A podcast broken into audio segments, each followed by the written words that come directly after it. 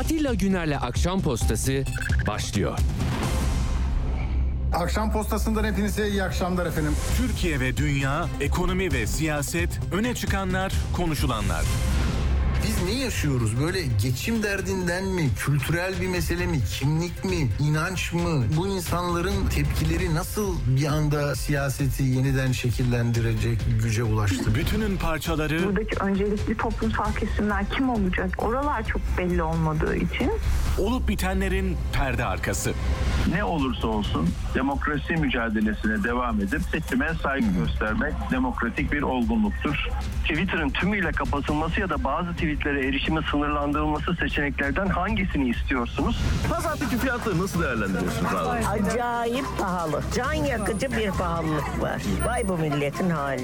Radyo haberciliğinin dört ödüllü programı. Radyo Sputnik'te Atilla Güner'le Akşam Postası programında söylenen sözler. Radyo yayıncılığı ödülü kazananı Atilla Güner, Atilla Güner'le Akşam Postası hafta içi her gün saat 17'de tekrarıyla 21.30'da Radyo Sputnik'te.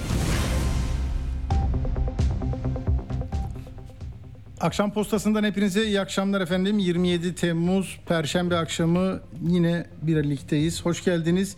Yangınlardan ve sıcaklıktan çok kısa bir iki başlık söyleyeceğim. Sonra asıl konularımıza gireceğiz. Şimdi Antalya'nın Kemer ilçesinde dördüncü gününe girdi. Havadan iyi müdahaleler oluyor. Kimse eleştirmiyor ama karadan bu- bulunduğu yer çok e, sorunlu bir yer.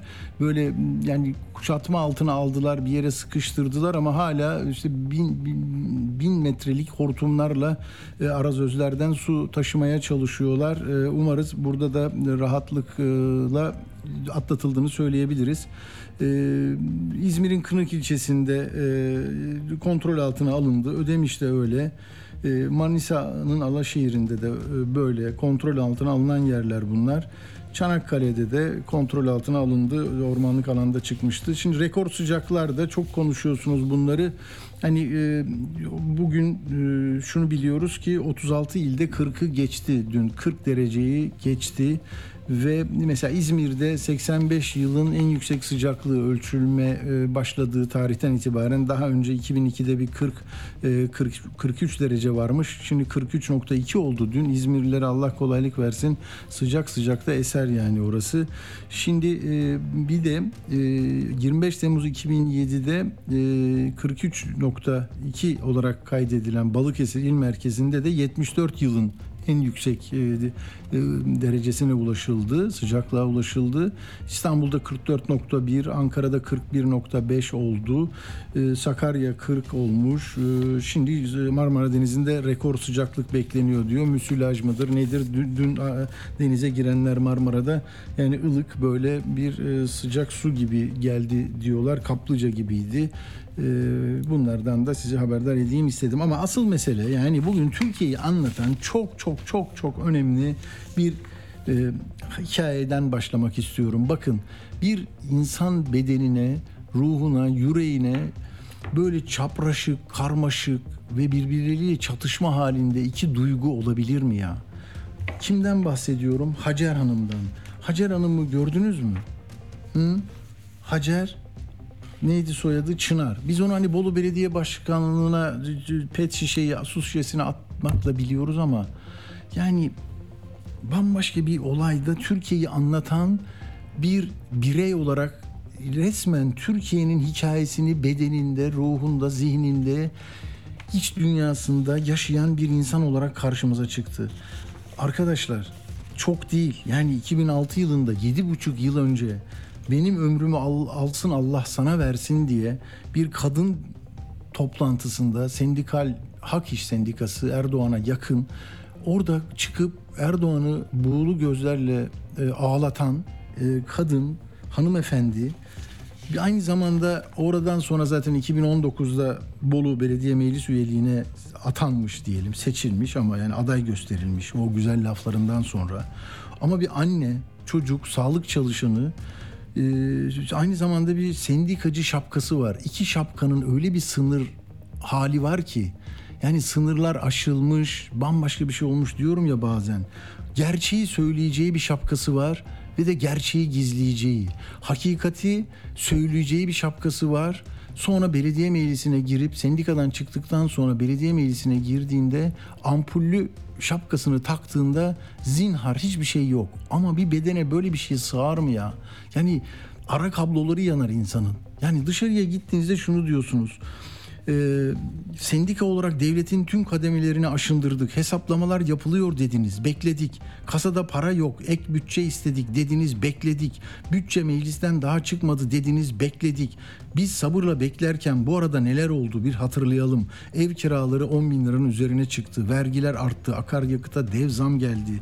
Aynı gün gıda olmak üzere her şeye zam geldi. Biz sabırla beklerken beslenme, barınma, ulaşım %200'e varan artış gösterdi. Adalet ve Kalkınma Partisi Bolu Belediye Meclis üyesi iken söyleyemediklerini sendikal mücadele sırasında söyleyebileceğini zannetti. Ama orada da yasaklar var, orada da sınırlar var, orada da bir tarife var. Sen bana öyle şeyler söyledikten sonra yaşadığın ekonomik sıkıntıları zinhar söylemeyeceksin. Oyun bozanlık yok. Söylersen bak seni disipline bile vermem. Bir telefonla istifa mektubunu gönderin derim gönderirsin kendin af dilersin benden ve seni oraya bir kenara koyarım. Belediye meclisinde değilsin. Sendika da seni artık savunmaz. Sendikanın sitesine baktım. Sendika Filistin'den gelen heyetle Filistin halkının mücadelesi falan diyor. Hadi oradan. Hadi oradan. Senin sendika şube başkanın Bolu'da yaşadığı, Türkiye'nin yaşadığı hikayeyi söyledi diye partisinden atıldı. Sen o sendikaysan, halk mücadelesi veriyorsan kadını, bu hanımefendiyi savunsana. Bir dinler misiniz? Önce Hacer Hanım 2016'nın Mart ayında ne diyor? Bir dinleyelim. Sonra da bugün söylediği var değil mi arkadaşlar? O sendikal mücadelede söylediğini vereceğiz arka arkaya. Evet. Herkesin yemek zorunda olduğu domatesin, biberin yüzünü göremez olduk. Tüm bunlar olurken bizler ekonomik krizle uğraşan devletimizin yanında olup sabretmeye devam ettik. Ama bitti. Sabrımız bitti. Çalışıp hak ettiğimiz geriye dönük alacaklarımızın önemsenmemesine karşı sabrımız bitti. Öfkemiz büyüdü. İki tane Hacer söylediği. İlk söylediğinin sesini kesmemişler. Ee, evet ilkinde de diyor ki ben kim e, kimsenin e, şu- şunu söylüyor. Onu da yazmamışlar buraya. Al- Allah bana bir ömür versin sana vereyim diye e, söylemişti 2016 Mart'ında. Ha, Rabbim lütfen benim ömrümü ona ver. Ömrüm size annemin ak sütü e, gibi helal olsun Cumhurbaşkanım demişti 2016 Mart'ında. Hani Kadınlar Günü'nde 8 Mart'ta tamam mı? Şimdi hanımefendi böyle söylüyor. Beni e, ben ne yapacağım bu sendikal mücadelede her şey darmadağın oldu. Sabrımız bitti. Alacaklarımızı öde, önemsenmemesi sabrımızı bitirdi diyor. Alın terimizin görmezden gelinmesine karşı onurumuz kırıldı diyor. Evimize götüreceğimiz ekmek küçüldü, eridi, bitti diyor. Böyle şeyler konuşulmaz diyorlar. Bak Hacer Çınar'ın gördüğünü bir, Türkiye Cumhuriyeti Merkez Bankası Başkanı da gördü. O da ama ona da dedi ki siyasi soru sordular. Dedi ki hayır ben bana siyasi bir açıklama yaptıramazsınız. Ölçüleri, barikatları, sınırları hani böyle tomalar gelir çevik kuvvet çemberler ya. Tamam o kadar. Yani sen rasyonel ekonomiyi anlat ama Merkez Bankası Başkanı enflasyon tahminini arttır ama siyaset zinhar yasak. Siz hanımefendi yani canınızı veriyorsunuz, ömrünüzü veriyorsunuz ama hakikatten bahsettiğinizde kapı dışarı edilirsiniz. Arkanızda sendika zannettiğiniz sendika sendika değil. Sendikanın sitesine girdim, baktım, Twitter'lerine baktım, sosyal medyadakine zımbırtılarına hiçbirinde siz yoksunuz. Çünkü sadece siz susmak için oradasınız. Ve sendikanın e, hak işin başındaki Mahmut Arslan'ın hani e, asrın lideri sizi biz başımıza Allah gönderdi diyen bir sendikanın kapı kulu olarak kalmanız isteniyor sizin. Gittiniz işte. Bir illüzyondu bu. Bir gösteri sanatı tamam mı? Yani okus pokus. Enflasyon da öyle. Yüzde beş. Yüzde beş diyorsun tamam mı? Yüzde beş. 1900 2006'dan beri %5 enflasyon diyen bir ülkede yani olup bitenleri görünce ne diyeceksiniz ya? Provokanda gücüyle başka bir şey yapılıyor. yapılıyor. Yani koltuklarını, gelirlerini, güçlerini kaybetmek istemeyenler susuyor. Kaybedecek bir şey olmayanlar da var. Onlar da korkutuluyor. Bak başörtünü alırlar. Ayasofya'yı camide olmaktan çıkarırlar. Yardımlarını keserler. Tamam mı? Ezan susar. Vatanı kaybedersin diye onlar da korkutulunca susuyor. Suskun bir toplumda değerler, grafikler, enflasyonlar, hedefler ne olsa ne olur. Konuşamıyoruz. Siyaseti konuşamıyoruz. Birlikler, barolar konuşunca siyaset yapma. Tabipler Birliği konuşunca siyaset yapma. Ankara Mimarlar Odası bir şeye kızınca siyaset yapıyorsun. Atarım seni Çankaya Belediyesi'nden. Bu kadar acımasız. Bu kadar acımasız. İşte bu ortamda Merkez Bankası'nın hani herkesin bildiği, herkesin canının yandığı bir ekonomik yangını, ateşi böyle yangın, alev gibi alev topu yanar da çıkıyor. Onu hani tespit etti diye herkesten alkış alıyor çünkü. Çünkü yok orada da susma hakkı başka türlü kullanılmıştı. Şahap Bey gitti diyorlar ki işler kötü. Siz 2025'e kadar bekleyin %15 olacak o zaman da. Şimdi Hayri Bey ile konuşacaktık. Hocam bekletmiş olmayayım inşallah. Profesör Hayri Kozanoğlu. Ee, merhaba hocam gel, hatta mısınız? Peki Hayri Kozanoğlu ile bağlanacağız. Bu arada e, diskin bakın disk bugün disk Ankara'da da geçinemiyoruz dedi tamam mı? Bakın o onlara bir şey diyemiyorsun değil mi? Onu görevden alamıyorsun. Çünkü o gerçek sendikacılık yapıyor. Oradan biraz ses verelim.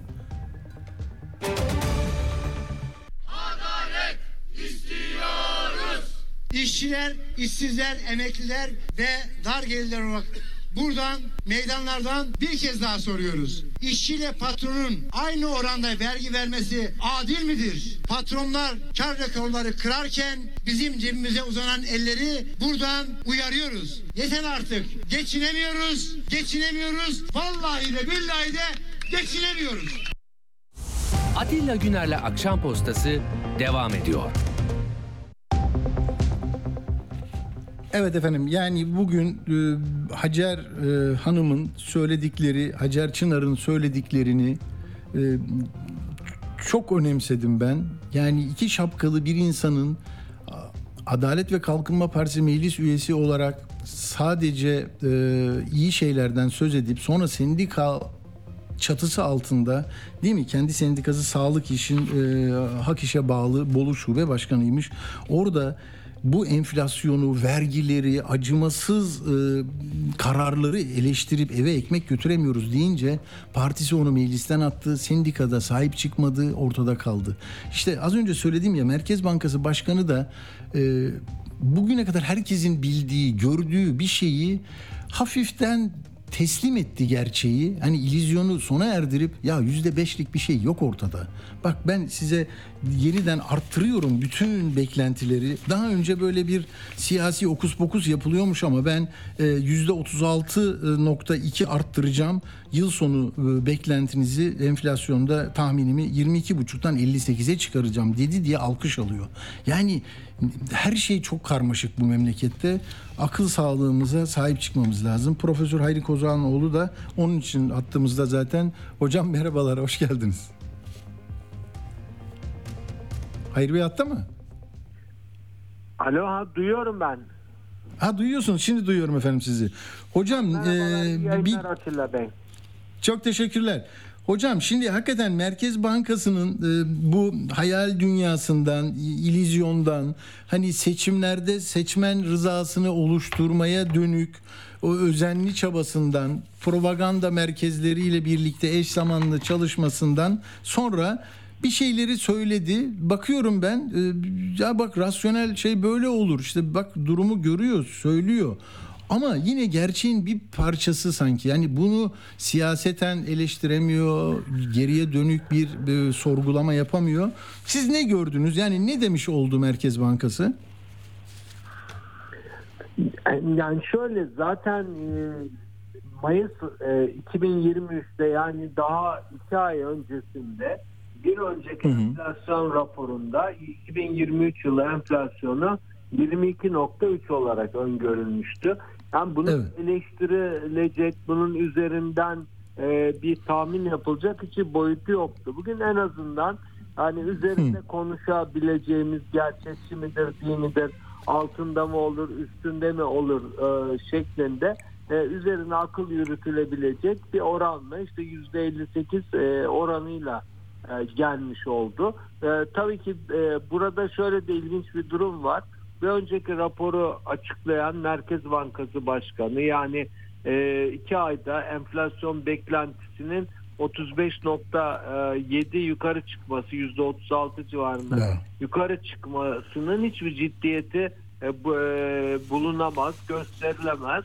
E, bu raporu e, kamuoyuna sunan seçimlerden önce e, enflasyonun bu noktada olduğu işte e, iki yıl sonra yüzde beşe düşeceği yanılsamasını e, yaratmaya çalışan Merkez Bankası Başkanı bugün e, bankacılık düzenleme denetimi BDDK'nın başında değil mi? BDDK'nın e, başında. E, böyle çelişkiler e, söz konusu ama işte hani daha önceki e, başkanlara göre daha profesyonel, net konuşan, söylediği anlaşılan e, birisiyle karşılaştık. Hani bir e, daha önceki başkan sorulara cevap vermek yerine e, polemikler yapıyordu. Sorunun dışında e, politik söylemler e, e, dile getiriyordu. Yani bu anlamda e, evet e, zaten şöyle de ilginç bir gelişme oldu. Herkesin üzerinde e, konuştuğu işte e, faiz sebep enflasyon netice sorusu e, tezi üzerine Evet. bir soru yöneltildi. Ben politik konulara girmiyorum dedi. Yani Evet. bunun iktisadi olarak e, zımni anlamda bunun iktisadi olarak değerlendirilecek bir yanı olmadığını e, bunun e, tamamen politik bir söylem olduğunu da e, ifade etmiş oldu. Doğru, doğru. Peki e, o zaman e, bu bizi nereye götürecek hocam? Yani Türkiye ekonomisinde sizin gibi e, ekonomiyi yakından izleyenler zaten e, bu e, değil mi Enak bile hani bu enflasyon böyle değil bu, budur diyordu. Sepeti bilmiyorduk. Bilmeyerek ve bize dayatılan bir şey vardı. Bu böyle olacak yüzde beş olacak. Geriye dönüp baktım 2006'da ilk defa yüzde beş hedefini koymuşlar.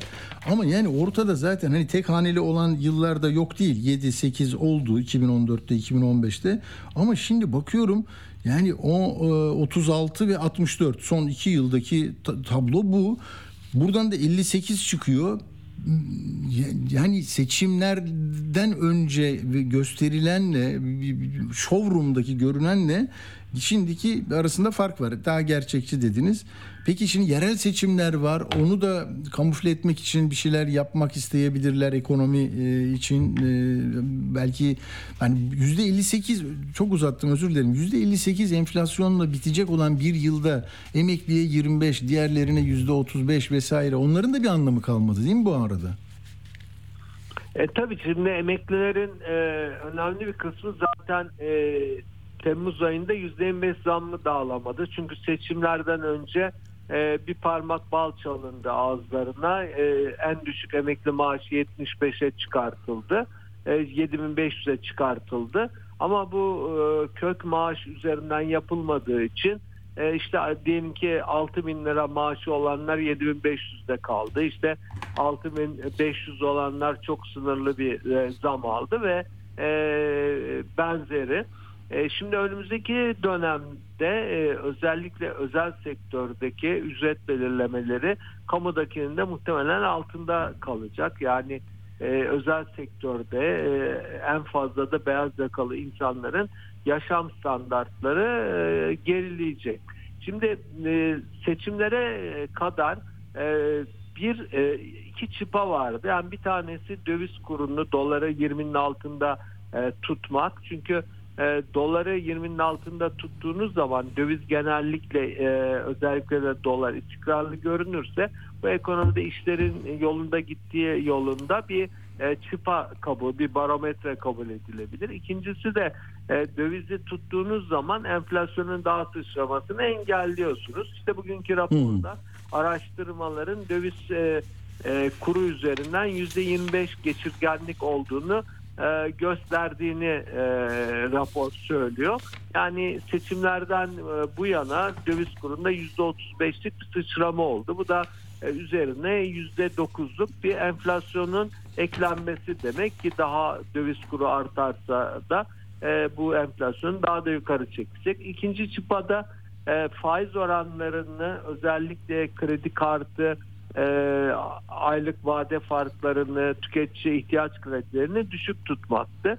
Böylelikle yurttaşlar e, geliri fiyatlara yetişemese dahi uygun e, borçlanma e, yoluyla bir şekilde alımlarını sürdürebiliyor, taleplerini canlı tutabiliyorlardı.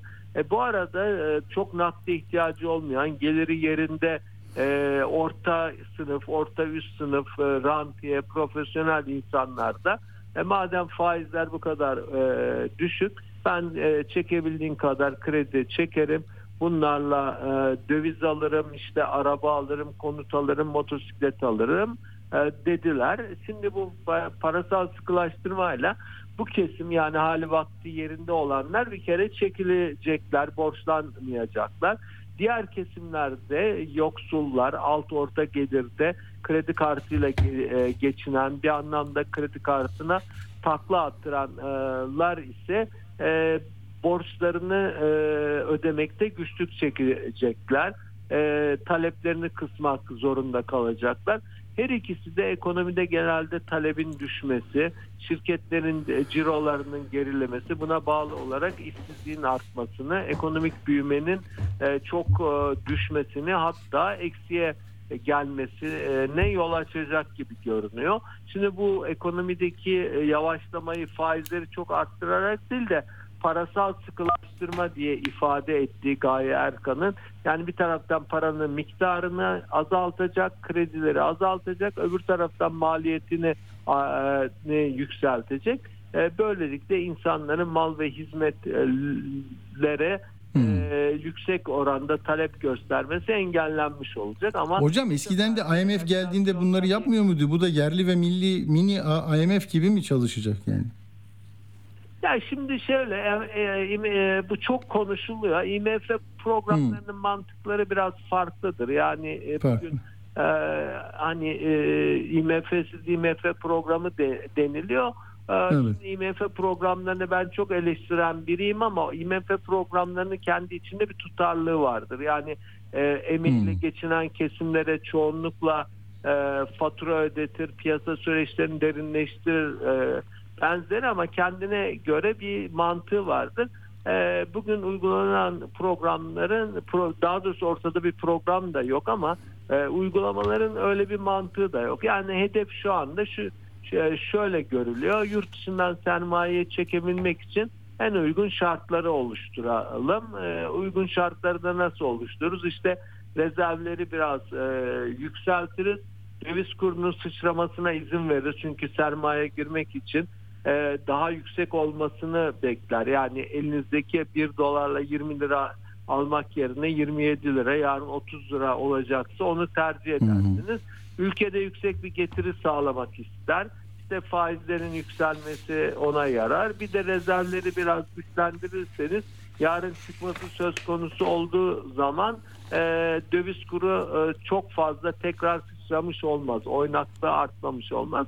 Şu anda o koşulları sağlamaya çalışıyorlar. Zaten işte e, Cumhurbaşkanı yardımcısı Cevdet Yılmaz, işte Mehmet Şimşek, Gaye Erkan hepsi Körfez'delerdi. Belki bir sonraki Tabii. durakları Batı olacak. Amaç e, bu böyle bir e, tutarlı bir program e, çerçevesinde hareket edildiğini düşünmüyorum. Görüşmek. Peki sosyal e, medyada sizin hocam şöyle bir değerlendirmeniz var. Yılın ilk 6 ay enflasyonu %19.77. Merkez Bankası'nın yıl sonu enflasyon tahmini %58. Bu yılın son 6 ayında beklenen fiyatların %31.9 artması demek diyorsunuz.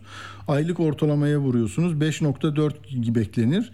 Döviz kuru enflasyona paralel artarsa dolar bu durumda yıl sonunda 36 lirayı mı görecek? Yani böyle bir e, değerlendirmeniz var. Bunu açar mısınız biraz?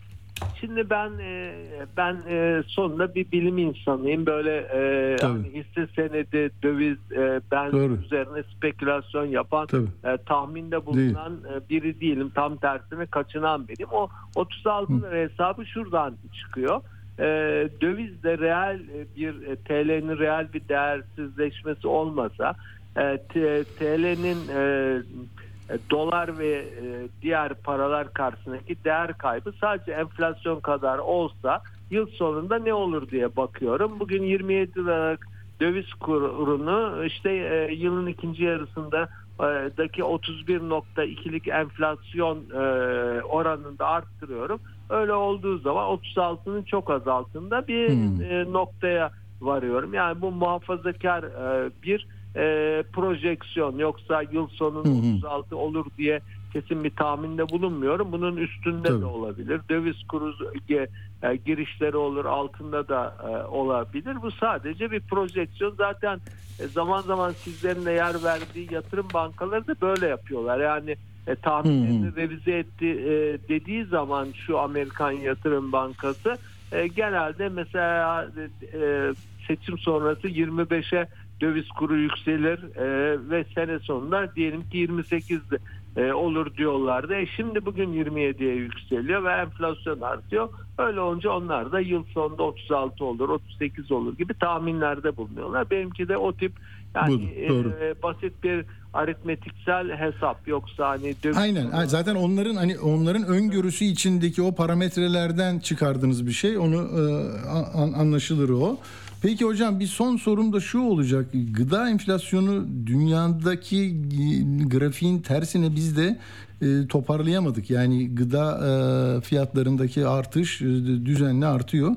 Burada Merkez Bankası'nın raporunda yani enflasyon gıda enflasyonu için yüzde 27.9'dan at- yüzde 61.5'e çıkarmış. 33.6'lık bir artış. Bu ne demek? Yani yoksulların, dar kesimin değil mi? Kendi o haneye giren gelirlerden en önemlisi işte barınma, bu hayatta kalma mücadelesi yine çalışanların, emekçilerin sırtına binecek gibi görünüyor.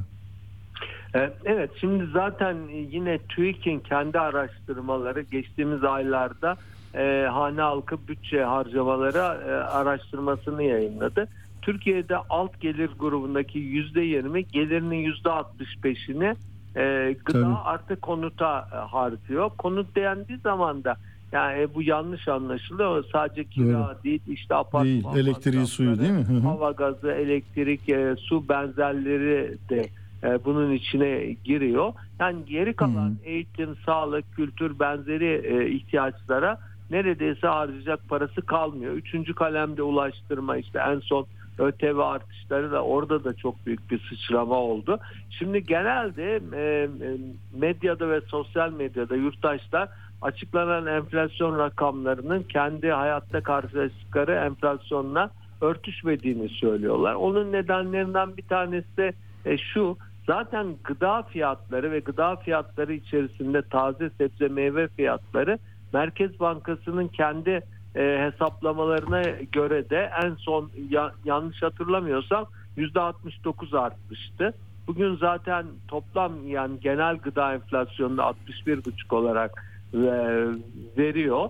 E, sade e, yurttaşın e, muhatap olduğu e, enflasyon oranı kendi e, sepetinde gıda harcamalarının ağırlığının çok daha fazla olması nedeniyle bu açıklanan manşet enflasyonun üstünde oluyor. Zaten orada şuna dikkat çekiyor raporda e, beyaz eşya ve ta- e, sebze fiyatlarının çok daha fazla arttığını söylüyor. Yani insanlar e, geçmişte e, e, kırmızı ete çok zor erişirken, çok sınırlı tüketirken diyelim ki e, haftada yarım kilo kıyma alabilirken bugün onu da alamıyor. İşte taze meyve sebzeyi çok sınırlı alabilirken bugün onu da alamıyor. Zaten o bütçe araştırması şunu gösteriyor. Yoksullar gelirinin daha fazla kısmını e, yiyeceğe ayırsa da e, üst gelir grubuna göre bir ayda TL cinsine arttıra ayırabildiği miktar çok daha düşük oluyor. Bir de e, bu e, geçtiğimiz haftalardaki ÖTV, KDV artışları yani dolaylı vergiler çok Evet. zengin bir Evet. insanla bir yoğurt aldığı zaman bir deterjan aldığı zaman onun ödediği vergiyle asgari ücretli bir insanın vergisinin aynı olması ve gelir ve servet Tabii. adaletinin daha fazla e, bozulması anlamına da geliyordu. E, yani bu Hı hı. yolla da insanlar e, yoksullaşıyor. Zaten son bir nokta e, enflasyonu niye yukarı çektik %35.7'yi açıklarken bunun e, 7.6'sı e, ücretler, e, vergi artışları, yönetilen yönlendirilen fiyatlar dediği yani akaryakıttaki artış, işte elektrikteki artış falan benzeri. Bu toplam 7.6 etkilemiş. E bunun içerisinde Hı hı. ücretler de var. Yani insanların cebine para girdiği kalem de var. İnsanların daha fazla ÖTV, KDV veya fatura ödeyerek cebinden çıkan kalem de var. Yani o bakımdan insanların cebine bir giriyorsa birden fazla çıkmış. Ee, O nedenle dünyada da tartışılan ücretler enflasyonun nedeni mi Ee, böyle bir ücret e, Hmm. fiyat sarmalı mı oluşuyor sorusuna Merkez Bankası ücretler bunun nedeni değil diye cevap vermiş oluyor aslında. Doğru. Ee, hocam çok teşekkür ediyoruz. Profesör Doktor Hayri Kozanoğlu bizimle oldunuz. e, Katkı sundunuz. Sağ olun efendim. ederim. İyi yayınlar, iyi Sağ akşamlar. olun. Sağ olun. Çok teşekkürler. Evet, Merkez Bankası Başkanı Hafize Gaye Erkan'ın da sesinden hani yakında enflasyonu nasıl e, kontrol edemeyeceklerini ve bu yüzden e, tahminlerini arttırdıklarını kendi sesinden de duyalım. Hani daha önceki Merkez Bankası başkanları e, böyle daha şeydi emir kipiyle konuşuyorlardı. E, belki ilginç gelir size teselli olur. Onu verelim bakalım Hafize Hanım ne diyor?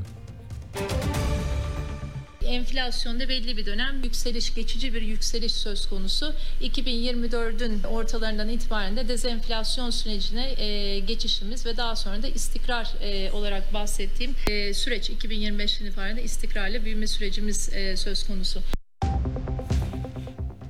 Evet yani e, Türkiye yüzyılı dendi, ilk 10 ülke dendi. Yani dendikçe, seçimler yaklaştıkça harika şeyler, Gabarlar, Karadenizler, Akdenizler, petroller fışkıracak, her şey olacak. Altın, bak altın bile bulduk, kokusu bile petrolün bilmem ne. Şimdi onu yazan çizen var mı? Yok. Ee, Anadolu gemisi nerede? Hani gidiyordunuz sıraya giriyordunuz görelim diye falan o da yerinde duruyor. Yani tok da işte çıkacak ama bak Ocak'tan itibaren zamlarınız artacak yine öyle dedi emeklilere. Çünkü Mart dediğin seçim ayı Ocak'la Mart arası yeni yeni projelerle siz ev alabilirsiniz. Hani arsa verilir, ev verilir, başka kayık verilir. Yani ne bileyim ben hani sandal alabilirsiniz. Ee, yani aydan böyle bir yer kestirebilirsiniz kendinize uzaydan. Yani uzayda uçacak ilk Türk astronotlardan birisi olabilirsiniz. Ama yani hikaye burada görünüyor işte. Bak e, burada kestim şunu. Bugün de ben böyle bir aksi bir adam gibiyim ama yani 2000 2000 e, şeyde 6'da %5 hedef koymuşlar. O zamandan beri 5 olmamış. Yani 20 yıldır bir hedefiniz var ve gidemiyorsunuz tamam mı? Tebrik ederim sizi. Geçen sene de işte 5 beklerken 64 olmuş. Şimdi de 5 beklerken 58 olacak ama ta, şey Merkez Bankası bunu diyor. Burası 72 olur diyen uzmanlar da var. Ee, yani işte herkes diyor ki rasyonel. Tamam yani bunu bile özlemişsiniz ya. Olup bitenden haberdar edilmeniz bile sizi hani yangın var yok diyorlardı ya. Yanmıyor bir şey. Şimdi yangın var dediler. Tak 33 puan 36 puan arttırdılar. Bu yangının derecesi bu diyorlar. Millet de diyor ki hakikaten e, şeydir diyor. E, iyi ya diyor bugüne kadarki saçmalığın farkındayız ancak bu çemberin içinde faiz silahını gerektiği gibi kullanamayız diyor diye tablo sundu diyor Uğur Gürses. Şimdi herkes bu e, meseleden bir tarafa bakıyor ama Türkiye'de yönünü arıyor, yolunu arıyor. Çok çok yorgun bir ülke olduk. İnsanlarımızı da yorduk. Erdoğan size ne dedi? Yani çok şey dedi de en son ne dedi? 2023 enflasyonu %20'ye göre ayarlayın. Boynunu kıracağız dedi. Ya bu güreş mi? Grekoremen mi yapıyorsun? Yani kırdın boynunu, kırılmıyor boynu. Bak boynu boynuzlanıyor, yukarı çıkıyor, bir şey oluyor, kalınlaşıyor boynu. Ya Bak yüzde 2023'te yüzde 20'ler seviyesine göre yapın. Herkes hesabını yapsın enflasyonları. Aksi yönde hareket edenlere hükümet olarak yetkilerimizi kullanırız. Bak Yetkilerimizi enflasyonu düşürmede kullanmayız ama sen 20'nin üstünde olur bu diye hesap yapıp ona göre zam yaparsan yetkimi kullanırım. Marketi kapatırım. Marketi mahvederim. Marketin başındakini de görevden alırım. Nasıl? Bolu'daki kızımızı aldık. Böyle. Böyle. Tamam mı? Bak görevden alır. Görev, göreve talip olma o zaman. Kendi belediye başkanlarına 3 ay içinde gidin dedi. İstanbul, Ba- Balıkesir bilmem ne. Gözyaşlarıyla gittiler. Yani dolayısıyla her şey olabilir. Siz e, için gerçeklere yakın e, olduk da muhalefet nasıl yapacak bu işleri? Muhalefet de kendi kendini e, şey yapıyor işte. E, koşturuyor, moşturuyor. Medyası kavga ediyor. insanları kavga ediyor. İmamoğlu işte yarım yarım şey yapıyor. Böyle taksitli taksitli veriyor. İktidar için değişim. Toplum CHP'de lider ve yönetimin değişmesini istiyor dedi sonunda. Kendi sitesi var ya oraya kurdu ya şimdi iktidar için değişim. Buna da girecek değilim. Diyor ki herkes çok e, şey yapmış, gayet güzel diyor. Ayakları yere basan siyaset benimsememizi, Atatürk ilkelerine bağlı tutumu öne çıkarmamızı bekliyor. E, gençliğin ilgisini çekecek yapıları teşvik edilmesini istiyorsunuz diyor. CHP'de lider ve yönetimin değişmesini, bu değişimin kuşak ve vizyon ekseninde olmasını istiyor. Yani sizin yazdıklarınızı bize söylüyor. Ben demiyorum, siz diyorsunuz diyor. Hala kendi lafını diyemiyor. Böyle.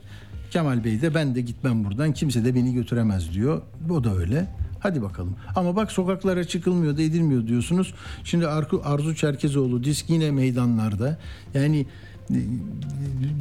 Akbelen'den işte İkizdere'den şuradan buradan alınacak dersler var diyeceğim. Ee, ama Türkiye şimdi yeni bir suni gündem mi dersiniz yoksa verilmiş sözler mi dersiniz? Ee, kadından sorumlu bakan bey var ya Aile ve Sosyal Hizmetler Bakanı Göktaş. Ee, o da e, Ma- Mahinur Özdemir Göktaş tuttu e, yıllardır Akit'in işte Milli Gazete'nin de kısmen e, böyle en radikal e, siyasal İslamcıların ya biz niye nafaka ödüyoruz bu kadınlara ömür boyu biz mağduruz deyip e, çıkarın bu kanunu değiştirin nafaka ödemeyelim diyorlar. Şimdi e, ben onu konuşacağım. Kendi sesinden bir verelim hemen Selin Hanım'la konuşacağım.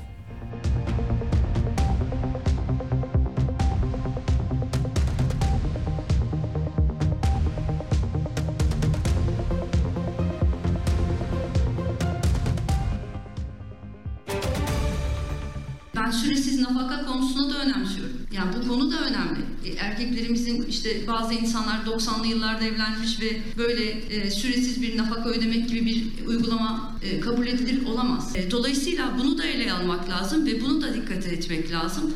Eğer bir mağduriyet oluşuyorsa bu mağduriyetin de e, üstesinden gelmek lazım. Dolayısıyla paydaş diğer bakanlıklarımızda da bu konuyu bu konunun üzerinde de e, çalışmayı hedefliyoruz.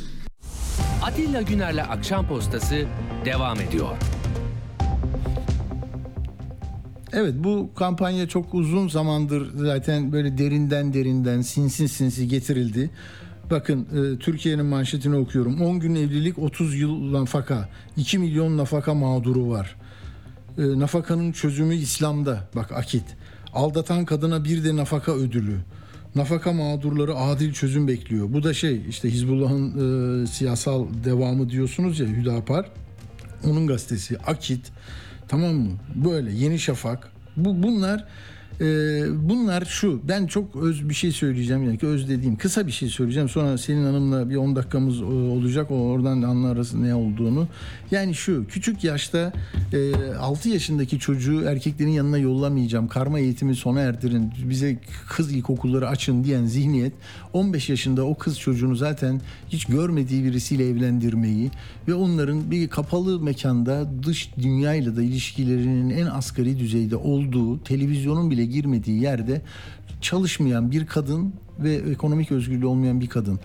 Koca her numarayı yapar, o orada kalır. Ama kadın dava açtığında, boşadığında, kaçtığında evden o zaman nafakada zaten o yoksullaştırılmış, çalışamayan, eğitim görmemiş kadının e, aldığı nafakayı da şimdi fazla görüyorlar. Onu da kesmek istiyorlar. Ama hukuk başka dille anlatacaktır bunu. Avukat Selin Nakipoğlu hattımızda. Merhaba Selin Hanım. Merhabalar. Günler dilerim. Evet. Ee, çok teşekkürler. Tam e, bir sekiz buçuk dakikam var. Ne olur bana yardımcı olun. Çok yoğundum bugün. Ee, neden bunu sizle daha önce konuştuk mu bilmiyorum. Küçük yaşta e, kı- kız çocuklarıyla ilgili meseleyi konuşmuştuk. Neden buna ihtiyaç duydular? Yasa yasa çok istismar mı ediyor hakikaten? Yani erkekler ömür boyu böyle prangalı mı yaşıyor? 2 milyon erkek e, yazık onlara ya. Mağdur olmuşlar. Nafaka ödüyorlarmış terk ettikleri ya da Evet. şiddet uyguladıkları. Evet, ne diyorsunuz? e, Yeni bakan, yeni aile bakanı e, çok meze, meselelere dair fazla bilgisi yok sanırım. Zira bu mesele 2016'dan süren bir tartışma. Evet. 6. yargı paketiyle e, mesele başlamıştı. E, dediğim gibi yeni bakanın biraz bilgilenmesi gerekiyor herhalde. Çünkü bu meseleyi yoksulluğun derinleşme koşullarını ele almadan açıklamak mümkün değil. Yani Hı hı. yoksulluk üzerinin örtülmeye çalıştığı bir dönemdeyiz. Fakat bunun karşılığı Medeni Kanun 175. maddedeki nafaka düzenlemesini değiştirmek değil. Zaten hali hazırda kadınlar boşanmayla yoksulluğa düşüyor bu ülkede. Yüzdesine vurursanız çok yüksek oranda. O yüzden Aslında öyle bir çalışma yapılsa çok iyi olur gerçekten. Belki zor bir şey ama biz şunu bilmiyoruz. Ee, bunların itiraz ettikleri nafakalarda e, yani ayrılan e, hanımefendiler ekonomik özgürlükleri olmayan ve e, ekonomik bağımlılık nedeniyle muhtaç oldukları çocuklarına bir gelir e, değil mi bir kaynak oluşturmak istiyorlar değil mi? Mesele bu. Yoksa ikisi de mesela bir mühendis hanımefendi ayrılmış mühendis Ali Bey'den yani e, sonra nafaka bağlanmış ne olacak o çocuk için 18 yaşına kadar bir nafakadır daha sonra da kalkar zaten değil mi? Ya şimdi şöyle bir şey var. Hani gerçekten bakın İstanbul Barosu olarak e, 2016-2017'de araştırma yapmıştık. Bu tarihlerde o zamanın rakamına, rakamına göre e, 400 lira ya aylık ortalama 400 lira nafakadan bahsediyordu. Hani şu kıyametler koparılıyordu Evet, ya. evet. Nafaka mağdurları platformu, meclisin e, gidiyorlardı mecliste agresif yöntemler istiyorlardı. O zaman 400 liraydı bu. Yani bakın Anayasa Mahkemesi'nin çok önemli bir kararı var 2012'de verilmiş. Yoksulluk nafakasının özünde diyor ahlaki değerler ve yok sosyal yardımlaşma düşüncesi yatar diyor. Boşanma yüzünden yoksulluğa düşecek taraf ister kadın olsun ister erkek olsun. Bu arada yani erkekler de işleyebiliyor zaten. Tabii. E, geçimini sağlamak amacıyla diğer taraftan yoksulluk talebi, nafakası talebinde bulunabilecek. Buradaki kriter yoksulluğun anlamının belirlenmesi. Bizim ülkemizde süresiz nafaka diye bir şey yok ayrıca. Tamam Ve onu ama ne olur bana bize bakın o Selin Hanım o çok karışıyor. Siz şunu söyler misiniz bize? Boşanma aşamalarında şimdi ne var? Bir e, benim bildiğim tedbir nafakası var. O duruşmalar devam ederken oluyor yargı yolunda. Yoksulluk var. Yok çünkü parası kadının. İştirak nafakası var. Bir de yardım nafakası var değil mi? Bunları peki bağladığımızda biz ta ömür boyu lafını çok kullanıyorlar ya. Mesela ben e, bir, bir hani ayrılmış bir eş olarak kadın, kadın eşi eşime veriyorum. Bitmesini istiyorum. Gidiyorum yargıya diyorum ki ya bu işte düzeldiği işi şurada şunu yapıyor ya da bir kaldırabilirim değil mi? Yani bu şey değil ki ömür boyu hapis gibi bir şey değil. Hayır böyle bir şey yok. Bu bir tranga gibi konuşuyorlar. Bu ülkede yoksulluk Tamam. nafakası sizin dediğiniz yani tedbir nafakası yoksulluk nafakası haline geliyor karar kesinleştikten sonra. İştirak Tamam. de çocuğa verilen. Çocuğu. Bu erkeklerin bahsettiği aslında hep iştirak nafakası. Çocuklarına bile nafaka vermek istemiyorlar. Mesela 400 lira diyelim. Hadi 1000 lira diyelim yahu. 1000 lira olsun. Yok ama eğitim derseniz eğitim derseniz eğitim büyük bir para olabilir. Şimdi eğitim masraflarını karşılayacak diyor bazen hakimler. Ha- Hayır. Kadının yoksulluk nafakası. Yoksulluk nafakasını kadın alıyor ya. Hadi 1000 lira Tamam. olsun. 1000 lirayla Evet. şu gün kim geçinebilir? Doğru. Yani Peki bunu kaldırmak isteyen adam kaldırabilir mi? Gidip ben vermeyeceğim artık bu istismar ediyor beni diye mahkemeye gidebilir mi? Onu, onu anlatacağım. Nafakanın kaldırılması, sürdürülmesinden çok daha kolay. Çünkü kadın bin lirayla geçinmeyeceği için iş bulacak. İş bulduğu an nafakası kaldır kesiliyor. Yeniden evlenecek. Tamam. Nafakası Kesiliyor. kesiliyor. Yani bu e, hakkaniyet çok işliyor aile mahkemelerinde. Ama gerçekten Hmm. bakın hiç çalıştırılmamış. Hiç çalıştırılmamış o kadar çok kadın var ki kocaları Tabii. babaları tarafından bu ülkede. Çat diye ortada kalıyor. E bir hayat kuracak. O hayata kadar bir geçiş süreci olacak. O bin lirayla iki bin lirayla kim geçinebilir zaten? Zaten işe girecek. Ama hiç altın bileziği yok, bir şey yok, diploması yok. Nasıl işe girecek Fatih? E, hayatın gerçekleri... Peki bu hukuk maddelerinin dışında neden siyasetin alanında bu? Neden bu radikal e, siyasal İslam'ın e, yani yakınında olanlar bunu çok kıymetli bir mesele ve kazanım gibi yani Ayas atıyorum şimdi çok benzetmek doğru değil ama hani Ayasofya e, propagandaları zamanında yaptıkları cesaretli o çıkışla yapıyorlar bunu. Haydi bu nafakalar bitsin. Nedir bu? Neden? Neden? Yani bu politik bir arka planı var. Çünkü kadınlar evde şiddet görüyorsa da e, her Hmm. türlü şiddet türüne maruz kalıyorsa da boşanamasın. O evde kalsın. Boşanamaz. Mahkum olsun değil mi? Bütün ders o. Hmm. Bütün ders o. Çünkü rakamlar istihdamda, eğitimde fırsat eşitsizliğini gösteriyor. Sosyal devlet diyorsunuz, kreş mi var?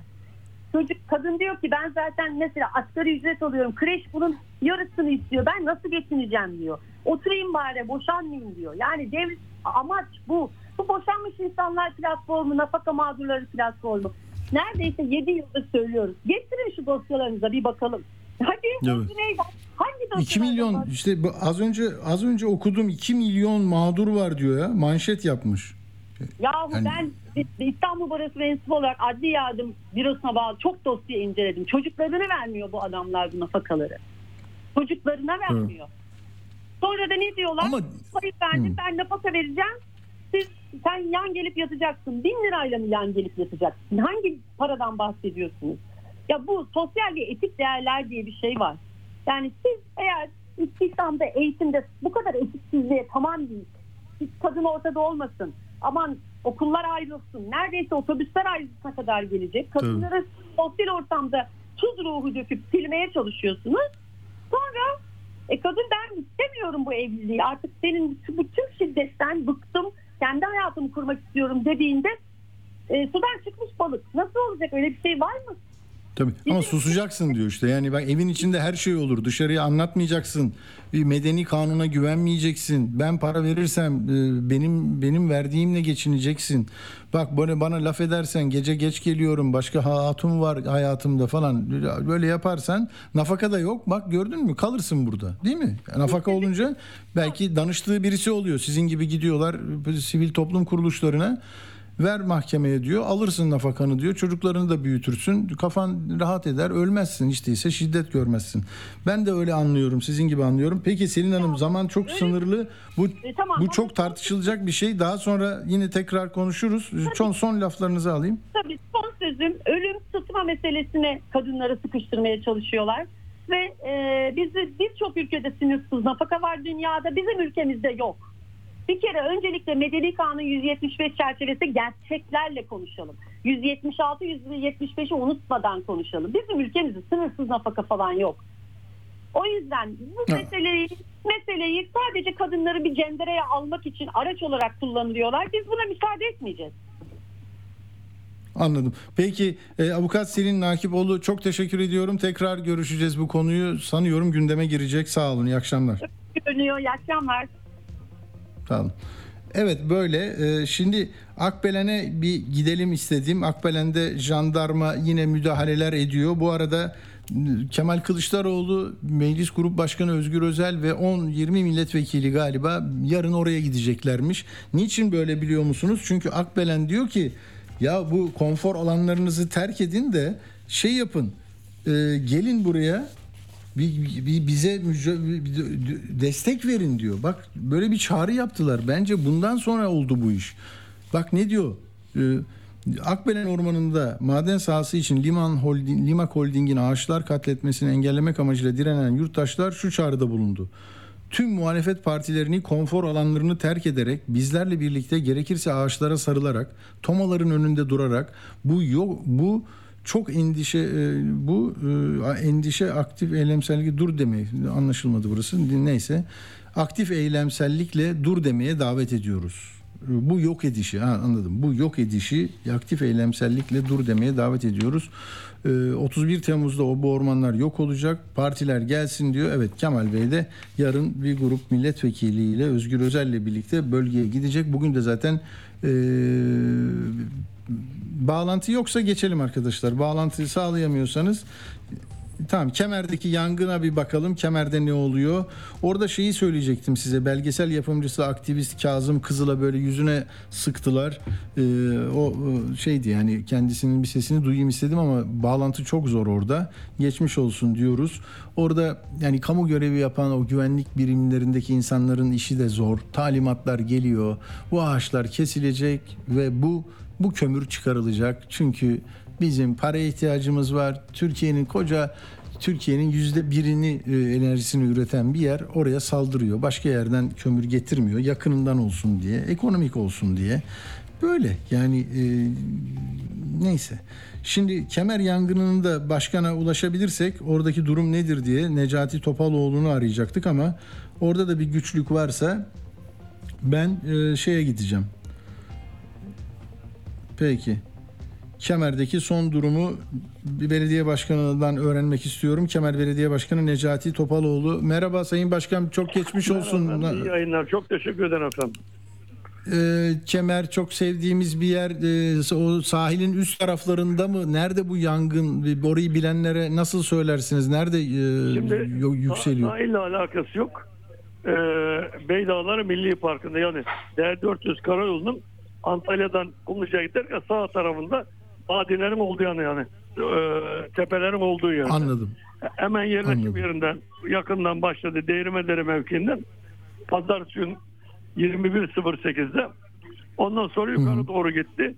Şimdi sıkıntı şu. Hava araçlarında bir sıkıntı yok. Uçak helikopter 3 gündür böyle uğraşıyor. Ama bir vadide sıkıştı kaldı. Karadan müdahale edilemiyor. Ama Evet onu onu ben de onu söyledim. Evet Değirmendere'ye döner diye Değirmendere'nin doğusundan ve batısından komple iki yerden yol açıldı. Burada biliyorum milli parklar olduğundan her taraf maki. O yollar açıldı ve bütün arazozlar oraya yerleşim alanı mesleği diye yerleştirerek gece bile çalıştılar. İki noktadan iki kilometrelik hortumu serdiler. Yani e, gelmesinde ta yukarıda bekliyorlar. Şu anda da uçakla ve helikopterle gidiyor. Tabii hortumları birbirine ekleyerek değil mi? Çok zorlu bir şey orada. Belki y- yüzlerce metre. Tabii iki kilometre. Evet İki evet. kilometre. O şekilde aşağı yani bir kıvılcım atarsam hemen onu soğutma yaparak söndürüyorlar. Ama yukarıya bir türlü insan gücü şey yapmıyor. Yani başta da söyledim. Ee, milli park olduğu için her taraf maki ve yıllardan beri pürler birikmiş. Uçak her ne kadar atsa da helikopterde pürün üstünde kalıyor. Altın eniyor. Alda ilk tane bizde derler ya için için yanıyor. Mesela dün bir ara çok umutlandık ama bir kozalak fırlattı. Ondan sonra 200 metre ileride bir daha başladı. Evet. Peki yani şu anda e, gece de bu havadan müdahale mümkün oluyor mu? Gece uçuşu Evet, olan gece Hmm. görüşlü e, helikopterler e, iki gündür beri devam ediyor. Bu gece devam ediyor. Üç gündür zaten ya yangın da iki buçuk gün oldu zaten çıkalım. Mücadele devam ediyor efendim. devam ediyor. Ne diyorlar yani belki bir zaman veriyorlar mı e, Ne- Necati Bey? Yani olur bu, bu biraz daha Çünkü bıçıkta yani vadide sıkıştı kaldı. Helikopter Sıkıştı. ve uçak oraya inemiyor. Aşağıya doğru inemiyor. Çünkü hemen sarp kayalıklar var.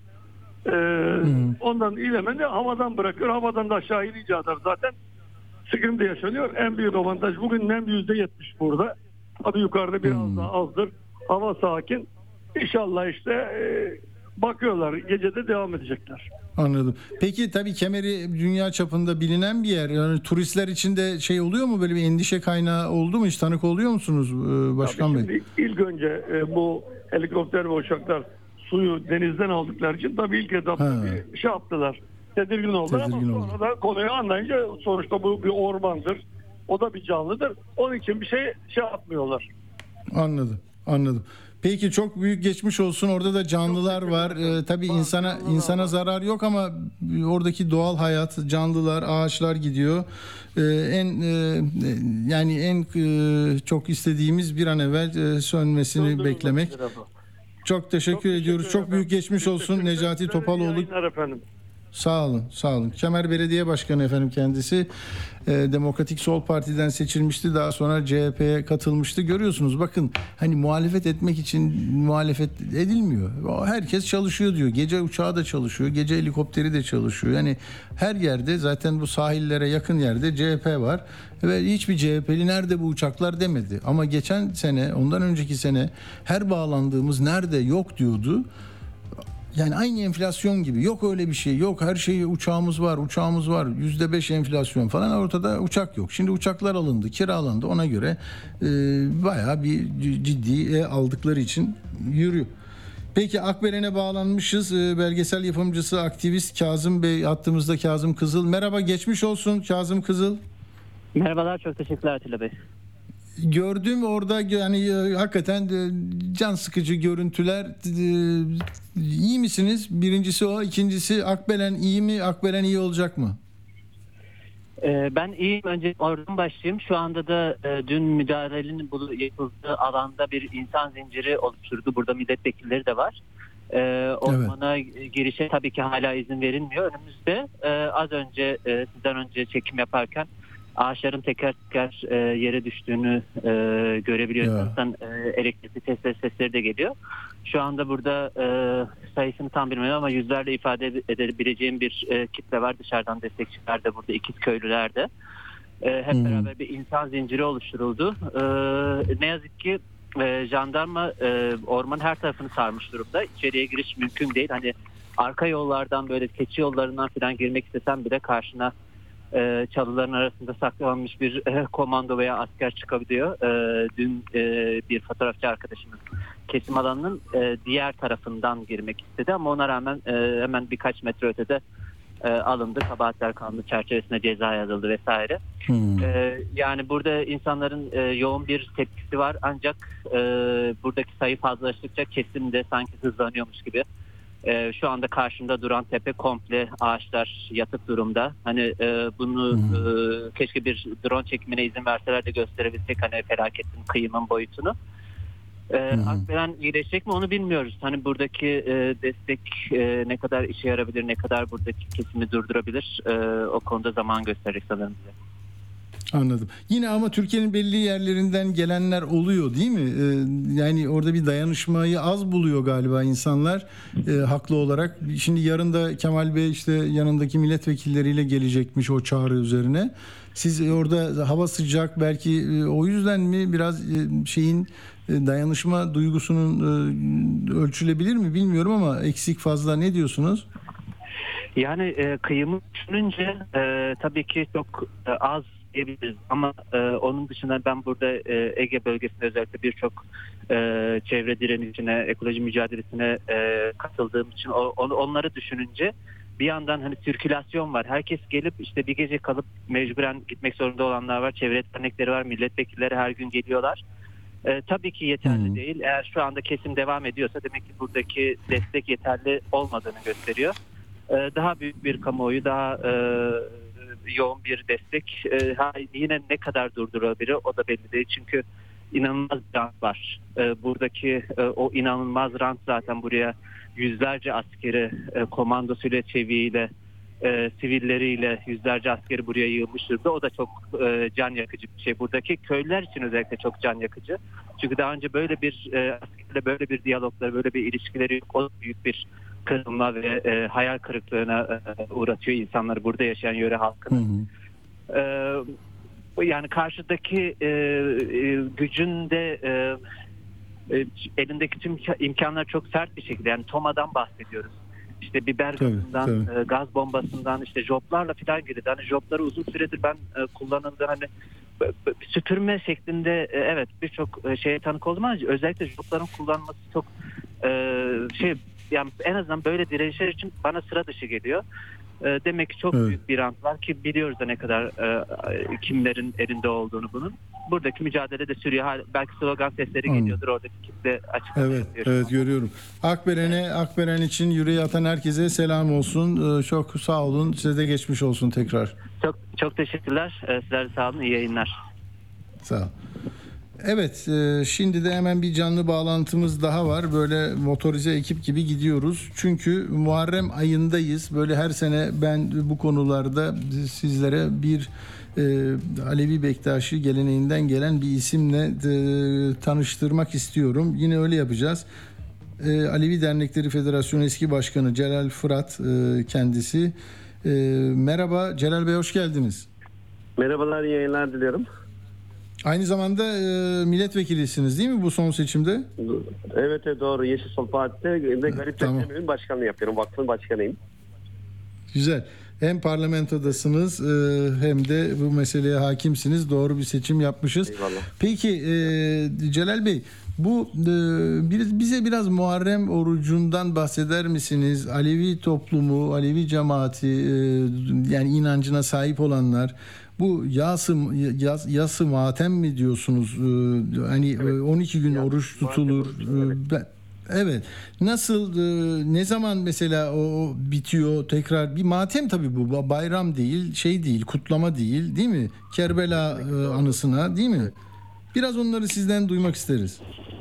Evet şöyle ki her sene genellikle Kurban Bayramı'nda e, 20 gün sonra Kurban Bayramı birinci gününden başlayarak 20 gün yani sonra oruç tutuluyor her sene 12 gün boyunca. 12 gün tabii Muharrem bizdeki Kerbela yaşanmış acıdan alınması gereken bir desteği şahisel insanlık için toplumsal özgürlükler bireysel çerçevesinde ele alınmak gerekiyor. Bu anlamda ilgili özverili koşulsuz mücadeledir Kerbela bizim açımızdan. Ee, tabii Muharrem orucu diğer oruçlardan çok çok farklı. Özellikle 12 gün boyunca her gün e, Aleviliklerin ise sahuru yoktur. E, açtığı oruç yani aç kalmak değil, onusal, e, onurlu nefes almak olarak biz algılıyoruz. Senenin 365 günü hani kul hakkı yememek de aynı şekilde bir oruç olarak biz Alevi dikkatine görüyoruz ama e, Aleviler öyle bir nesnel bir çerçevede görmüşler ki orucu e, kendi e, ailesinde babası, annesi, kardeşi, evladı vefat ettiğinde aynı çerçevede bir yas tutarlar. Eylül için. 12 gün boyunca gerçekten o evde büyük bir hüzün vardır. E, böyle şatavatlı sofralar kesinlikle yok. İşte bir çorbayla Hı. Gün doğarken başlıyor değil mi? Gün doğarken gün batımında e, oruç açıyorsunuz. Saat 12 gece 12'den sonra kesinlikle bir şey yenilmez, içilmez. Ta ki diğer gün e, gün batımına, güneş batana kadar bir şey yenilmez, içilmez.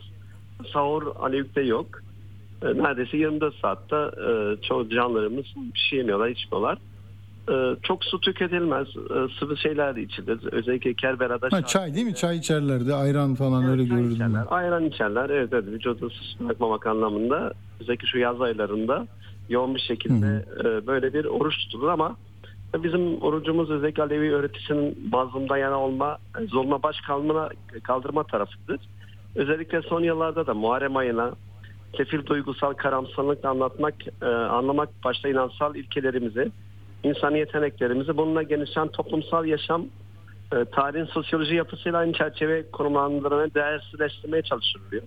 Bunu da yoğun bir şekilde görüyoruz. Yani şu an e, düşünün e, Türkiye'de e, bir oruç tutuluyor ama kimsenin bundan e, Ya. haberi yok. Bak devletin televizyonu ben hep onu derim. Devletin televizyonu var. Sizin vergilerinizle de Alevi kardeşlerimizden de kesiliyor. Bakılmıyor. Şimdi devletin diyaneti var. Din işlerinden sorumlu.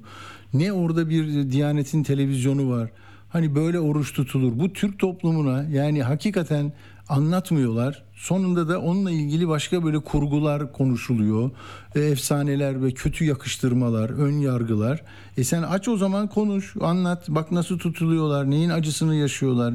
Bir gün belgeselini gördük mü ya?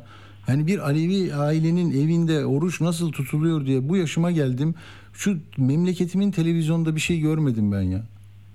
Bu ne kadar değil mi ayrımcı? Aynen, aynen böyle. Maalesef her yıl özellikle Muharrem ayında söylenen sözler, bazen yazılar yazıldığında bugüne kadar yapılan tüm eylem etkinliklerin çoğuna e, özellikle TRT bir gün yapıyor ama ajite edilmiş ideolojik fikirlerle kültürel özelliklerimizin bir kısmını harmanlaştırılmış Şiiliğe ve Sünnilikle e, ilişkilendirilmiş biçimde bize sormaya gayret gösteriyorlar. Oysa ki Alevilik inanç anlayışında ortaya çıkarılmış Alevilik yol ve kuralları bağnazlığı kesinlikle kabul görmeyen bir dikkat inançtır. Özellikle de e, Muharrem ayı oysa ki inansal görüşlerimizin ayrılıkların olduğu, yaratılmak istenen e, soyut din anlayışına da karşı bir baş kaldırı olarak da görmek gerekiyor. E, yine aynı Tabii. şekilde Irak sınırları içerisinde özellikle alt- 680 yıllarında Emevi halifesine Yezid'e karşı Hazreti Muhammed'in torunu Şah Hüseyin'in e, ailesiyle birlikte onlar da insanın katledildiği gündür bizim için. Tarihsel olarak da tanımı da budur. Ama maalesef e, Kerbela bir katliamdır. Bunu söylenmeyen tamamen ajitasyon yaptıran bir devlet mantığıyla karşı karşıyayız. E, evet Muharrem budur ama bizim bizim e, adımızla ve kendimiz gibi bizi tanıtmaktan çok kendileri bir Alevilik yaratmaya, kendileri bir Muharrem Doğru. e, önümüze konumlandırmaya gayret ediyorlar. Bu da devletin esasında ayıbı olarak görmek gerekiyor ki görüyoruz. Doğru. Bunu da gür bir şekilde söylemek Peki lazım. Ce- Ce- Celal Bey son olarak çok az bugün de vaktim biraz ben yangınlara sıcak yerlere e, gittim Akbelen'e o yüzden e, yine e, çok e, buna kıymet veriyorum. E, şunu söyler misiniz peki oruç tutan bir komşumuz Alevi kardeşimiz varsa oruç tutuyorsa biz dışarıdan e, ona ne diyebiliriz? Nasıl bir dilekte bulunabiliriz? Onu bile bilmez bak bu kadar Evet evet. Şunu da söyleyeyim özellikle bazen duyuyorum, görüyorum fazlasız paylaşımlar yapılıyor. Ee, efendim Muharreminiz mübarek olsun. Ya insanlar diri diri başları kesilmiş. Neyi mübarek olsun? ya heh, onu diyorum şimdi. Ee, Yani gerçekten çok acı. Ee, söylen Hani yasınıza katılıyorum mu desem mesela mateminize saygı duyuyorum mu demem lazım. kabul etsin. Yatınızı evet yasınızı oruçlarınızı tutunuz hak kabul etsin. Demek gerekirken efendim işte mübarek olsun. Neyi mübarek olsun hani? İnsanlar diri diri katledilmiş susuzluktan e, bedel demişler. Doğru, olmuşlar. doğru, yani böyle doğru. bir süreç. O çok acı gerçekten sizin de söylediğiniz anlamıyla ilgili. Özellikle Doğru. hak kabul etsin. Efendim işte Hı e, yasınızı paylaşıyoruz gibisinden. Değil mi? Bu yine Doğru. muharebenin bitmeden önce şimdi görüyoruz aşure lokmaları paylaşıyorlar. Aşure lokması. Hı. E bizim özellikle aşure çorbalarımız zenginin e, fakirlere dağıttığı bir oruç olarak görmemek gerekiyor. Biz kesinlikle oruçlarımızı Kerbela yad ettirmiş o aileye. e, her bir tanesinde 12 tane çeşit konuluyor. İçinde sevgi var, kardeşlik var, barış var, huzur var, bereket var.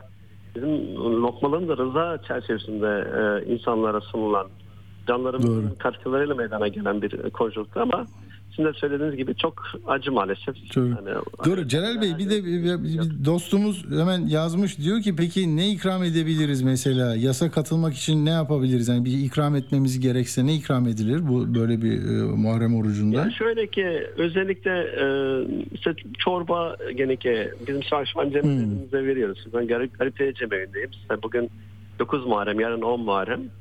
E, işte şu an gene ki sıvı yemekler yapılıyor. Kesinlikle etli yemekler yenilmez. E, işte yumurta dahi kırılmaz. Yani bıçak çok kullanılmaz. O, şekilde söylenebilir. Daha çok sıvı yemekler Cem evlerinde, mesela olduğumuz Anladım. evlerde bunlar verilebilir. Ama hayvani et kesinlikle tüketilmiyor bu günlerde. 12 gün Doğru, boyunca doğru. kesinlikle hiç paylaşılmaz. Evet. Pe- Peki. Ee, Peki bir mu- lokmalarla ihman olunabilir. Yani bu vesileyle işte şu an e, Muharrem orucunu tutulan bu otellere taşımaya çalışanlar var. Bir zihniyet var. Hmm. Yıllarca işte Sayın Erdoğan bizi saraylara davet etti. Hiçbir zaman biz gitmedik. Dedik buyurun gelecekseniz, geleceğiniz yer var ise bizim soframıza, buyurun soframıza buyurun gelin. Eğer gerçekten iyi niyetliyseniz, e, itikat inancımızı, gelenek göreneklerini kabul görüyorsanız buyurun buraya gelin beraber oruçlarımızı açalım ama onlar tam tersi kendince bir Alevi yaratmaya gayret gösteriyorlar. Doğru. Cemevleri Peki. 2023 yılında halen kabul görmüyoruz. Düşünün yani. Böyle. Doğru. Peki Celal Fırat'la görüştük. Yeşil Sol Parti İstanbul Milletvekili e, hem de Alevi Dernekleri Federasyonu eski başkanı. Çok teşekkür ederim. E, Muharrem orucunu da e, bilmeyenlere anlatmış olduk. Sağ olun efendim. İyi akşamlar. Hak razı olsun. İyi akşamlar efendim. Hoşçakalın. Sağ ol. Sağ ol. Evet Uğur Koçbaş'la hemen bir konuşalım bir 3-4 dakika sonra yolcuya gideceğiz. Böyle de bir maratonumuz var. Ee, Uğur da e, herhalde bağlanıyor. Bir minicik arada verebilirsiniz. Nasıl istiyorsanız. Radyo haberciliğinde bir klasik. Sorulmayanı soran, haberin peşini bırakmayan tarzıyla bir marka. Atilla Güner'le Akşam Postası, gündeme damga vuran konu ve konuklarla hafta içi her akşam 17'de Radyo Sputnik'te. Atilla Güner'le Akşam Postası devam ediyor. Evet Uğur Koçbaş hattımızda. Uğur merhaba. Merhaba. Ne var ne yok? Nijer Nijer'de bir şeyler oldu diyorsun. Ne olmuş Nijer'de? Nijer'de bir şeyler oldu. Fransa'dan 1960'ta bağımsızlık kazandı Nijer, Afrika ülkesi, küçük bir Afrika ülkesi. Şimdiye kadar 4 darbe, sayısız darbe girişimi e, yaşadılar. Şimdi yeni bir darbe daha oldu. En son 2010'da olmuştu. Şimdi e, aradan geçti 13 sene. Yeni bir darbeyle karşı karşıya kaldılar. E, Mali ve Burkina Faso komşuları onlarda da darbe olmuştu. Şimdi buraya sıçradı. Yani darbeyi yapan general de e, Cumhurbaşkanlığı Muhafız Alayı'nın e, 10 yıllık komutanı artık demiş. Yıl komutanlık yaptım artık ben Cumhurbaşkanı olayım diyerek televizyonda bildiri okudular. Bu klasik darbe yani o 80'li yıllar 70'li yıllardaki darbe yöntemleriyle televizyonda bildiri okuyup kamu kurumlarını alarak El- ele geçirdiler mi yani? Kontrol onlarda mı şimdi? Başkan ne Şu an yapıyor? kontrol onlarda. Başkanı da e, içeride esir tuttukları söyleniyor. Ee, bu başkana daha önce de e, daha 2 Şubat 2021'de seçilmişti. Daha yemin etmeden bir darbe girişimi olmuştu. O bastırılmıştı. Sonra Türkiye'ye gelmişti. Türkiye'deyken yeni bir darbe girişimi olmuştu. Ee, o da bastırılmıştı. Ondan yırtmıştı ama şimdi üçüncü darbe girişiminden kurtulamadı Ee, ve iktidarı şimdi asker devralmış durumda. Halk da enteresan bir şekilde yani 15 Temmuz benzeri bir şey de yaşandı aslında Nijer'de. Ee, halk sokaklara indi Cumhurbaşkanı'na destek vermek için fakat askerler orada da sert müdahale ederek e, o halkı geri püskürttüler ve izin vermediler bu darbenin engellenmesine.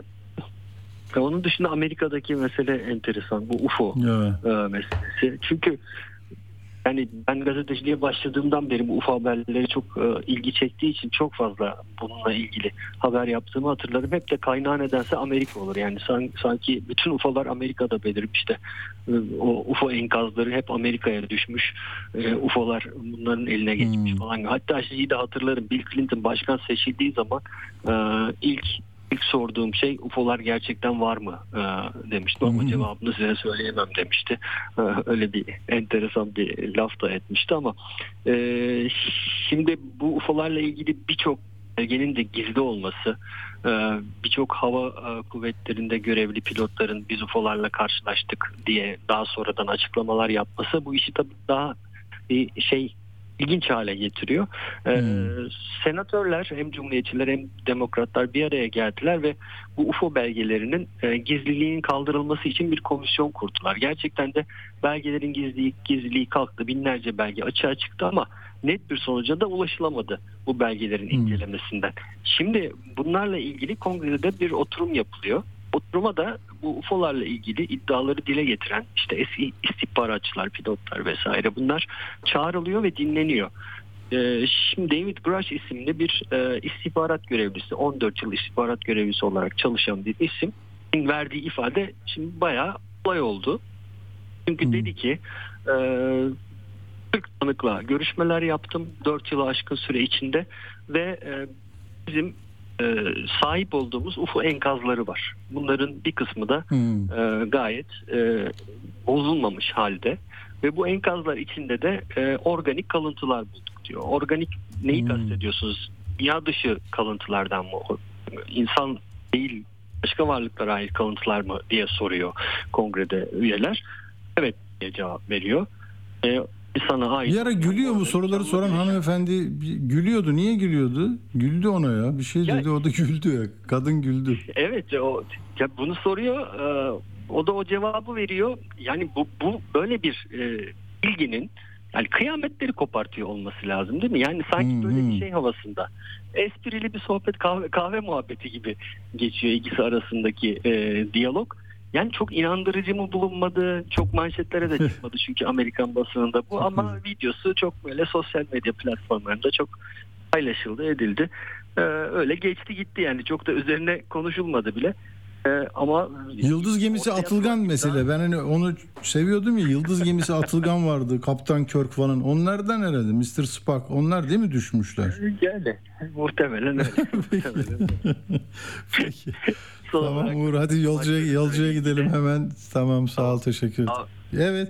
Yolcu Bey geldi. Biri gidiyor, biri geliyor ya. Nasıl oldu burası? Perşembe pazarı gibi oldu ya. Merhaba yolcu, hoş geldin. Nasıl? Atilla Bey merhaba. Daldan diyorsunuz yine. Sorma. Z- zaman zaman zaman çok hızlı işliyor. Biz de çok şey yapmak istiyoruz. Böyle oldu. Yolcucu. Yolcucum diyecektim. Hoş geldin. Ya gördün mü? Hoş bulduk Atilla. Ee, çok böyle süremiz ne kadar? 30'a kadar mı? Tam 10, 14 dakika, 10, 12 dakika ya. Vallahi bugün senden de çaldık.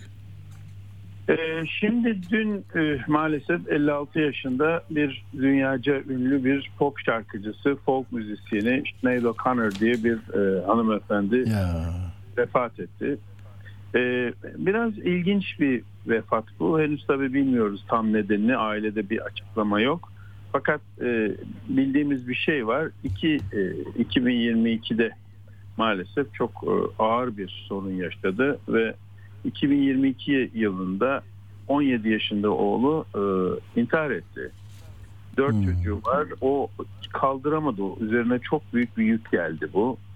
Dört evlilik yapmış. E, dördüncü evlilik yani çok tabii ilginç bir e, sanatçı. Çok enteresan bir kadın. Çok e, inişleri çıkışları çok fazla. Dönüp baktığın zaman kendi yaşadığı ailenin de tabii doğal olarak bir dramı var. Ee, onun etkisi var. Kendi yaşadığı koşulların etkisi var. Hepimizin hayatı gibi beklenmedikler onun hayatında daha fazla. Yani biz buradan beklenmedik derken neyi kastediyoruz meselesi ayrı ama çok sorunlu bir çocukluktan geliyor. Erken ayrılmış bir ailede anne baba arasındaki büyük çatışmaların arasında kalmış. Muhtemelen işte sanat dediğin şey de bu acıyla yoğrulduğu için ister istemez yani buna iyi desen bir türlü, kötü desen bir türlü yaratıcılığın geldiği yer buradan o acıyla, o hüzünle oluşuyor galiba. Ee, 1966 doğumlu kendisi. Daha sonra çok ilginç ve popüler bir şarkı var. Bilindiği en çok 1990 yılının en büyük hiti Nothing Compares to You. Seninle şey mukayese edilemez, kıyaslanamaz diye. E, fakat e, Nec- Necdet alttan onu çalabilir biz konuşurken aslında değil mi? İnsanlara da belki anlatır. Evet. hiç fena olmaz. E, bu tabii çok ilginç bir e, kadın. E, insan olarak da çok ilginç. E, büyük çıkışları var. E, Katolik Kilisesi'nin cinsel istismarı yüzünden Papa'nın resmini canlı yayında yırtmıştı. Sonra çok ilginç tabii bu 1992'de yaptı bunu Saturday Night Live diye bir konu şeyde program esnasında. Sonra e, bu tabii herkesin tepkisini çekti. Madonna'nın da Joe Pesci'nin de e, tabii ilginç bir şey oldu. Joe Pesci bu Goodfellas diye bir film vardır. Sıkı Dostlar diye. Bir hafta sonra da intikam tehdidi yapmış. Ama seyirciler alkışladı filan. E, ilginç bir şey oldu. Sonradan bunu e, bir papaz yaptılar. E, enteresan bir şekilde yani tabii Katolik dünyasında kadın papaz olmamasına rağmen e, onu bir papaz ilan ettiler belli bir e, İrlanda Ortodoks Katolik ve Apostolik Kilisesi var. Oradaki bir e, şey, piskopos bunu rahip olarak atadı. Ama e, Roma Katolik Kilisesi kadınlar papaz olamaz dediği için aforoz edilebilir filan falan denmişti. E, daha sonra 2018'de İslam'a geçti. Ee, daha önce David diye bir isim almıştı. Birkaç kez isim değiştirmiştir Atilla. Hmm.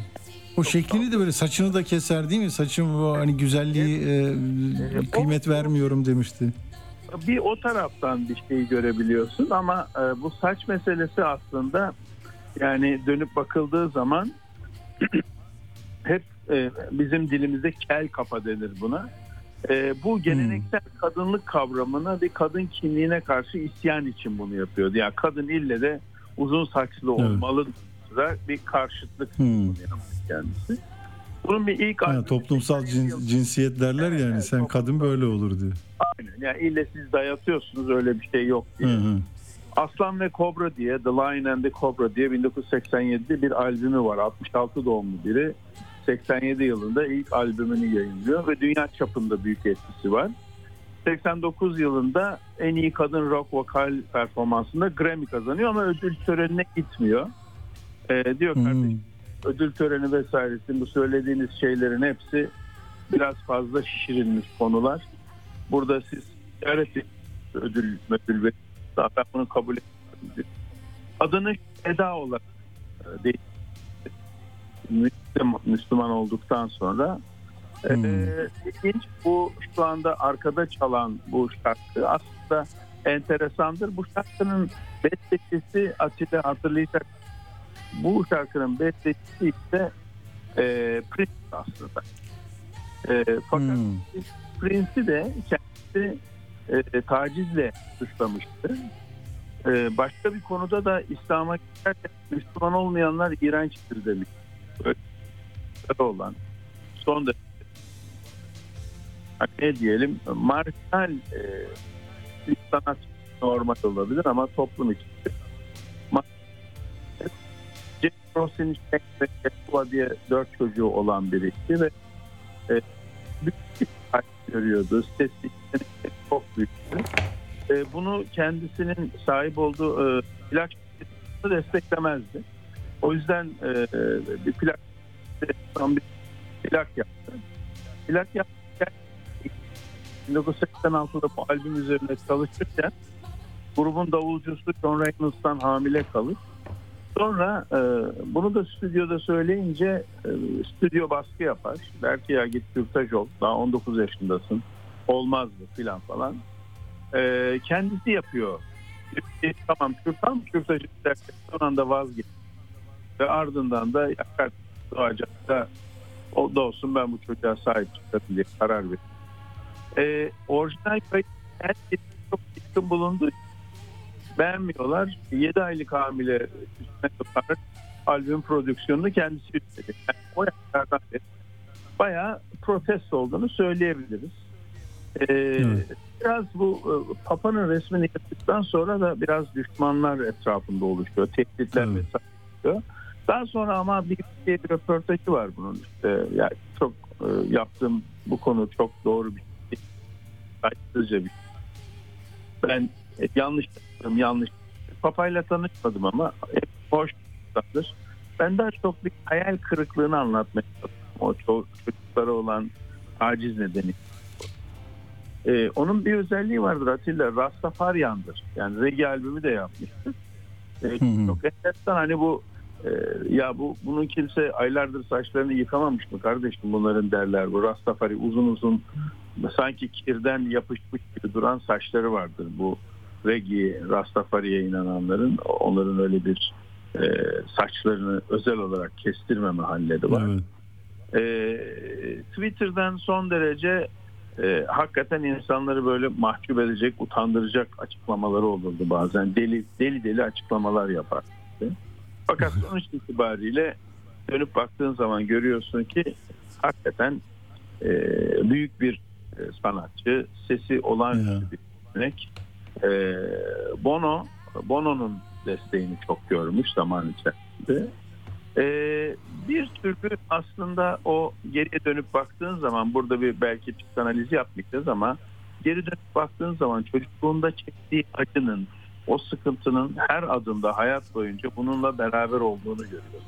O anne babanın üzünlü bir ayrılma meselesi var ve o ayrıldığında e, bu toparlayamamış. Anne babanın büyük sıkıntıları var. E, o onun içerisinde de kalmış. O hayatın içinde Evet. biraz tabii Öfke patlamaları belki o öfke patlamaları isyanlar değil mi? Tabii onlar var. Onlar da var ama son itibariyle baktığın zaman mesela İrlanda Cumhurbaşkanı'nın karısının ismi verilmiş. Ee, evet, özgürlük mücadelesi var. Bu beş kardeşi var. Ee, baba e, önce inşaat mühendisi sonra avukat oluyor. Genç yaşta evleniyorlar ama 8 boşanma tabii çok sorunlu oluyor. Aile dağılıyor. Beş kardeş anneyle kalıyor. Fakat anne çocukları çok dövüyor. Muhtemelen bunun üzerinden bahsetmek. Daha sonra babası koruma altına aldırıyor. Üç kardeşin orada bayağı sorunlu. 18 yaşında anne terk edip babaya gidiyor. Babayla kalmaya devam ediyor. Ee, çok sert bir okula gidiyor. Bu Green Eğitim Merkezi'nin çok ünlü bir okul var. Bu okulda da tabii e, Barbara Streisand Evergreen şarkısı vardır. Onu seslendirince gerçekten ne kadar müthiş sesi var diye. Ondan sonra e, biraz daha gelişti. 83 biraz daha özgür bir okul var. Nixon School diye. Bu okula gidiyor. Bu okulda biraz daha farklı insanlarla tanışıyor. O zaman e, bir ses tabii. ses. E, annesi 85 ölüyor. Bundan da çok etkileniyor hayat boyunca. Ee, sonra bu suyu e, dünyaya kazandıran e, Faşnakala diye birisi vardı. Onunla beraber bir araya gelip ya senin sesin şöyle, böyle, öyle mi yaparız böyle mi yaparız diye. Hakikaten e, müziği atılıyor. Dünyada büyük bir fark gösteriyor. Ama bir bu kadar da protest bir bu kadar da dünyaya karşı e, duruşta olan biri. Doğru. 56 yaşında e, unutulmayacak değil mi Sinehat Okanır? Evet. E, sesiyle bitirelim biz de. E, yolcu çok teşekkür ediyorum sana. Sağ olasın katkın için. Çok teşekkürler. Evet biz de kapatıyoruz. Enver'in programı başlıyor. İyi akşamlar.